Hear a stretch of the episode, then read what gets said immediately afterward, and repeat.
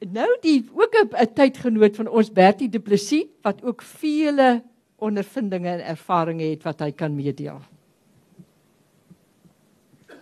Baie dankie Dorothea. Wil julle net weer 'n slag net opstaan en asemhaal? Is julle oukei? Okay? Maar daar is wat wil opstaan. Haal net asem.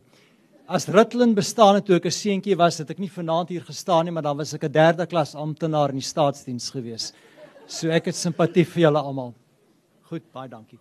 Eerste plek Dorothea, baie dankie dat jy ons almal so mooi opgelei het om nie te swaarwigtig te wees nie, want anders kon ons dalk vanaand blootgestel gewees het aan 'n onderwerp soos die metafoor en heilige beeste met verwysing na genderstudies in die neokoloniale literatuur. Jy het ons gelukkig daarvan gered, maar nou dat ek dit vir jou toegegee het, gaan ek ook onmiddellik afwyk en ernstig raak. Ek moet dan net dit sê, Chris, jy het 'n opperman se plek waargeneem in ons eerste jaar. En daar waar daar nou 'n vrou sit met so wit en so grys, net daar, het ek gesit en praat en hy wou jy my die klas uitjaag. Is die eerste keer wat ons mekaar nou weer sien na die geleentheid. En ek wil net graag vir jou sê dat selfs groter geeste as jy het in my lewe probeer om my stil te maak met ewe min sukses.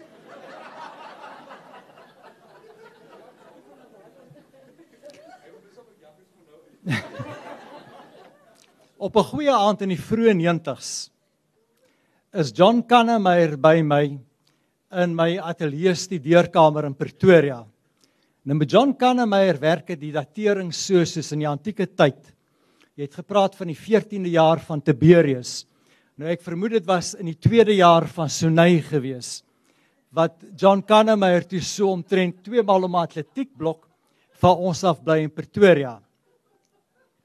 En daar in die studeerkamer vertel ek vir John wat ek is toe nou al klaar in die wêreld van besigheid en ek vertel vir hom van die reklamekampanjes wat ek mee besig is. En John staan terug en hy sê vir my sê vir my Bertie, ehm uh, Jy weet hoe ek jou laas geken het, was jy op pad teologie toe na 'n gemeente toe. Uh, jy was met letterkunde doenig, met beeldende kunste. Hoe op aarde hierdie lewe? Wat het die brug geslaan? En ek sê vir John, jy weet John, jy van alle mense moet dit kan verstaan. Want die letterkunde en baie spesifiek Dirk Opperman het vir my daardie brug geslaan. Daar kom twee dinge uit Opperman uit. Die eerste ding wat 'n mens nodig het, ek dink nie net in besigheid nie, maar om in die algemeen van die lewe sukses te maak. Is jy met die lewe kan sien soos wat hy regtig is. Nie soos wat jy wens die wêreld is nie.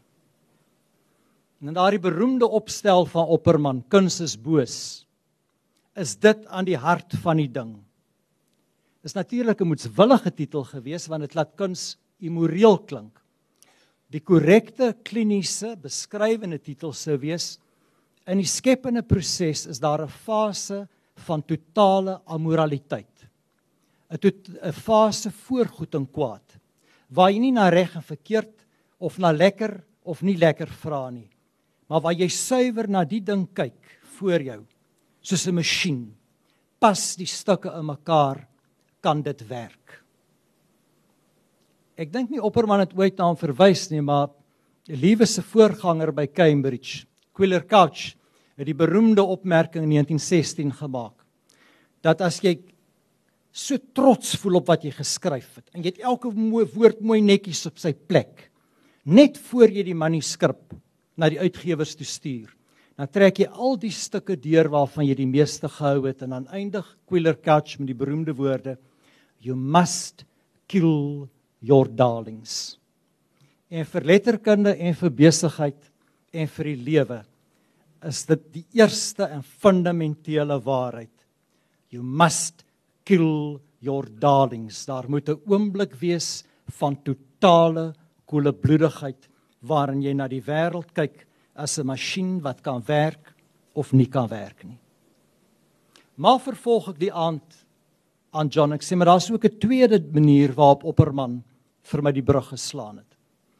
Wat as daar aan die een kant in besigheid soos wat ek het ondervind in alles wat jy aanpak of dit sport of kuns is, daardie oomblik, daardie fase van koele bloede moet wees. Die totale afgetrokkenheid waarin niks moreel nie gedoen kan word of onvanpas is want jy's aanderkant goed en kwaad.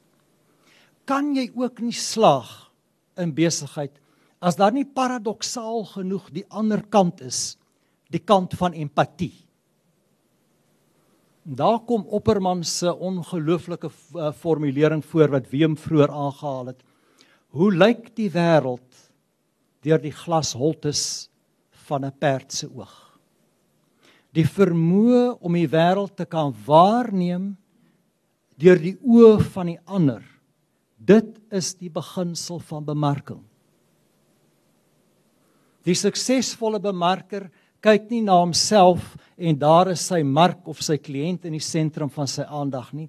Die werklike suksesvolle bemarker sien sy eie besigheid deur die oë van die mark.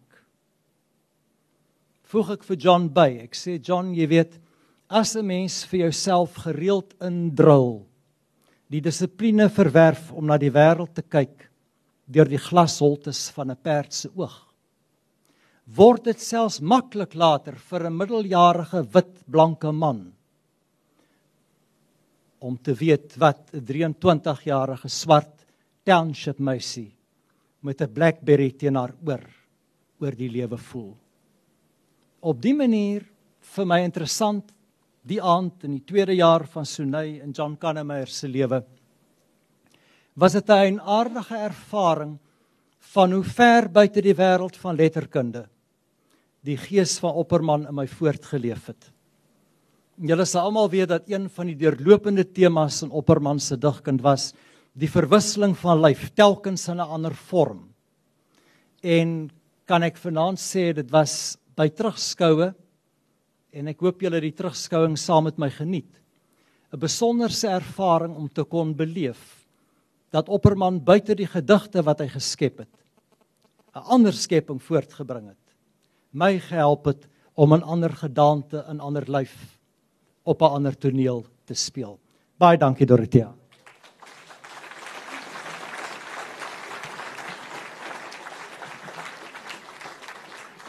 Baie dankie vir hierdie fascinerende blik Bertie. Ek wil daarom net sê dat daardie Christo Botha van wie uh, Ronel gepraat het, is baie interessant ook die verskillende gedaantes. Ook 'n klasmaat van ons, nou hy het toe besluit hy's 'n Skotse Rooms-Katoliek. Hy was uit van George gekom en hy was toe hy was toe ook in die Rooms-Katolieke kerk was hy toe 'n priester, nê? Nee? Is ek is Christo hier? Ek sal baie graag hom wil hê. Maar ek dink nie hy sal hier wees nie want hy is hy's op die oomblik 'n onderwyser in Duitsland. En hy het ook toe agterna besluit hy's 'n Jood. En hy het 'n hele het 'n hele geskiedenis daarop meegemaak. En ek dink as mens met hom sal praat en hy gee nou dis onderwys in Duitsland, sou jy waarskynlik ook uitvind dat iets van Opperman ook by hom gebly het by hierdie transformasies wat hy deurgegaan het.